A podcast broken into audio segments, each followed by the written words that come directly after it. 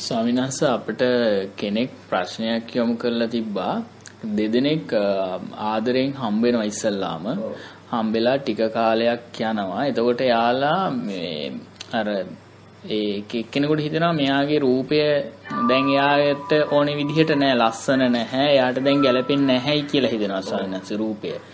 එතකොට මේ මේ මෙයා දැන් එයාට දැන් ඒ ඒ එක්කනා පිළිබඳව කිසිම හැඟීමක් එන්නෙත් නැල්ලු දැන් ටික කාලයක් ගියාට පස්සේ ස්වාමීන් එතකොට මේ වගේ ආදර සම්බන්ධයකදී ස්වාමීන් මොකද්ද කරන්න ඕනේ කියලා එයාලා වෙන් වෙනවද? එහෙම මෙහෙමයි පුතේ. දැන් ඔතන ඔය ධර්මයක් නෙව කියන්නේ. තේන්න ඔය ඔතන ධර්මයේ කතාවක් කියන්නේ. ඒ කියන්නේ ආදරය කළා ආදරය කරනකොට ගෑන් ළමයා ලස්සනයි. තේන්න ඒතර ආදරය කරනකොට ගෑන් ළමයා ලස්සනයි. දැන් අවුරුද්දක් දෙකක් ආදරය කළාට පස්සේ දැන් ගෑන් ළමයා කැතර පේන්නේ තේන්න දැන් දැන් ප්‍රශ්නේ තියෙන්නේ දැන් ගෑන් ළමයා කැතර පේන හින්දා දැන් ඉතින් මට මේ ගෑන් ළමයා බැඳලා වැඩක් නෑ. නැහැ. ඕකනේ දැන් උතන ප්‍රශ්නේ. ඉතින් දැන් ඔය ඔය ප්‍රශ්නේ කියන්නේ ඔය ප්‍රශ්නේ කියන්නේ ධර්මයක්.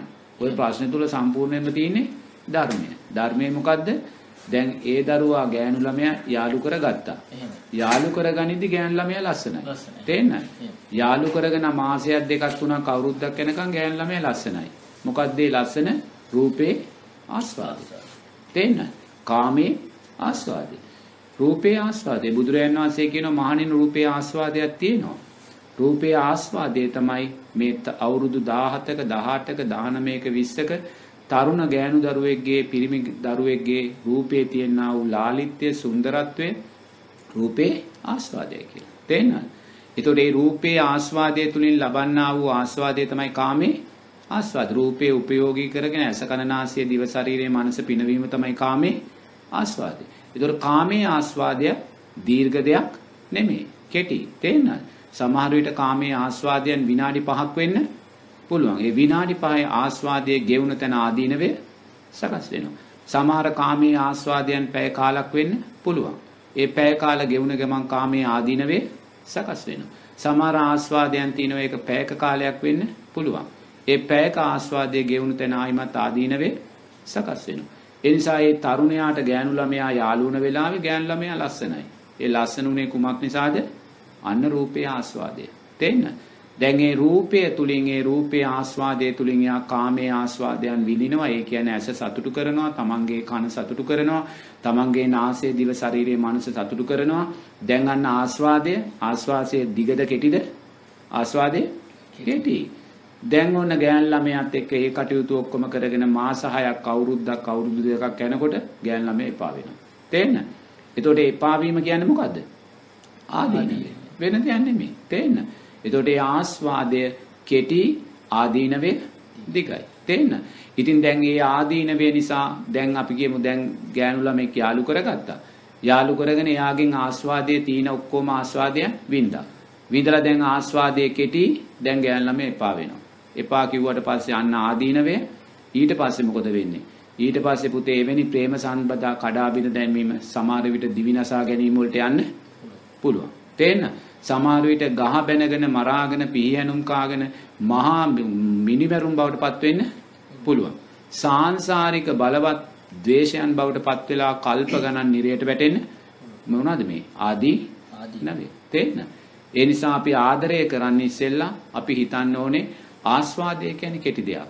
තේරෙනවද?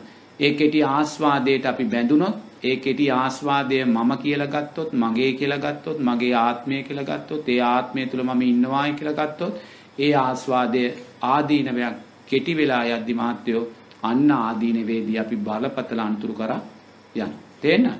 ඉතින් ඒකයි බුදුරජාණන් වහන්සේ කියන්නේ බෞද්ධ කෙනෙක් නම් ආදරය කරන්න ඉස්සෙල්ලා පුතේ අනිවාර්යයෙන්ම අපි තෙරුවන් කෙරේ සද්ධාව තුල ආරෂ්ඨාංගික මාර්ගය තුල ජීවිතේ දකින්න අපි දක්ෂ වෙන්න ඕනේ. තේරෙනවද? එහෙම දකින්නගෙන කවදාක්වත් මේ මේ ආස්වාදයේ කෙටිභාවයත් ආදීනවේ දිගභාවයත් දකිමින් නිරතුරුව මාත්‍යෝ ඒ ආස්වාදයේ සතියෙන් සිහියෙන් පරිහරණය කරනවා. විවාහ ජීවිතයකදී අපි කෙනෙකුට ආදරය කියලා කිව්වනම් තේරුණාද? එයා බෞද්ධයෙක් කියන පුතේ ආදරය කියලා කියපු වචනය ඇස් දෙක පියවෙන තාක්කල් දිවිහිමියෙන් ආරක්ෂා කරනවා. තේන්න? ඒ ආරක්ෂා කරන්නේ ආස්වාදයෙන් නෙමෙයි. ආස්වාදයේ එතන බැසගෙන තියෙනවා. නමුත් ආදරය කියන වචනේ සැබෑ අර්ථය ආදරය කියන්නේ පුතේ ආදරය හැම වෙලාවෙම මෙත්තා කරුණා මුදිතා උපේක්ෂා ගුණයන්ගෙන් පෝෂණය වෙන්න ඕනේ. තේරෙනවද? ආදරය මෙත්තා කරුණා මුදිතා උපේක්ෂා ගුණයන්ගෙන් පෝෂණය වෙන්න ඕනේ.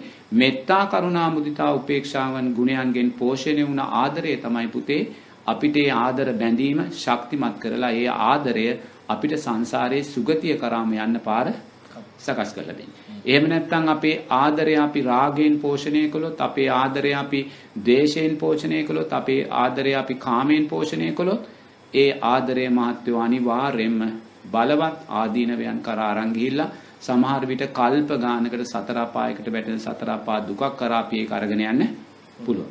ගෑනු ළමයෙකුට ආදරෙයි කියලා මාස කිහිපයක් ඒ ගෑනු ළමයාගෙන් ප්‍රයෝජනෙ අරගෙන එහෙම නැත්නම් පිරිමි ළමයෙකුට ආදරෙයි කියලා පිරිමි ළමයෙක්ගෙන් ගන්න තියෙන සියලු දේ අරගෙන අපි ආව අතහරිනවා නම් මාත්‍යෝ ඒක අපිට ලේසි වෙන්න පුළුවන්. ඒක අපිට පහසු වෙන්න පුළුවන්. නමුත් මාත්‍යෝ ඒවා නිසා ඇති කර ගන්නා වූ බලවත් අකුසල් සමහර විට මාත්‍යෝ කල්ප ගණන් අපිව සතර පාදුකට වැටෙන්න පුළුවන්. තේරෙනවද? මොකද කෙනෙක්ගේ බලාපොරොත්තු කඩ කිරීම කියන්නේ මහත්වෝ සංසාරයේ අපේ බලාපොරොත්තු කඩ කරනවාමයි. මම මීඩිය ඉස්සෙල්ලා මතක් කරලා තිබ්බා ප්‍රේත ලෝකයක ජීවත් වෙන ප්‍රේත මනාලිය ගැන. තේරෙනවද? ඒ ප්‍රේත මනාලිය අදත් ප්‍රේත ලෝකයේ මගුල් සාරියෙන් සැරසිලා අතට මල් කලඹක් අතේ තියාගෙන අතත් ප්‍රේත ලෝකයේ මනමාලෙක් සොයමින් ඇවිදින්නේ ඇයි? සංසාරයේ ආදරයට සම්බන්ධ කළා වූ වරද නිසා. තේරෙනවද? ඒ නිසා අපිට ගෑනු ළමයෙකුට පිරිමි ළමයෙකුට වංචාවක් කරන්න නැත්නම් ඒ වගේ ආදරයට අදාළව මොකක් හරි අනතුරක් කරන්න අපිට හරිම ලේසියි. ඒවා සමාජයේ නිකන් අද ඕන තරම් සිද්ධ වෙනවා. තේරෙනවද? නිකන් පුංචි ළමයි රවට්ටනවා වගේ ගෑන් ළමයි රවට්ටනවා පිරිමි ළමයි රවට්ටනවා. නමුත් පුතේ රැවට්ටුවා වගේ නෙමේ.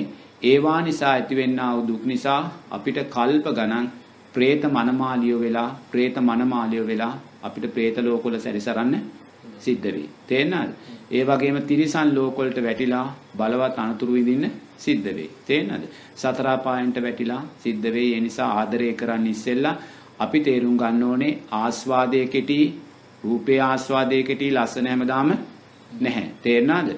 ඒ නිසා නිරේ තුරුවම අපි ඒ ආස්වාදයේ කියන කාරණය තුල සතිය සිහියෙන් තේරෙනවද? සතිය සිහියෙන් ඒ සතිය සිහිය මෙත්තා කරුණා මුදිතා උපේක්ෂා ගුණයන්ගෙන් පෝෂණය කරගෙන ආදරය සුගතිය වැඩෙන දිශාවක් දෙසට අපි අරන් යන්න අපි දක්ෂ වෙන්න ඕනේ. හරිද දරුවෝ?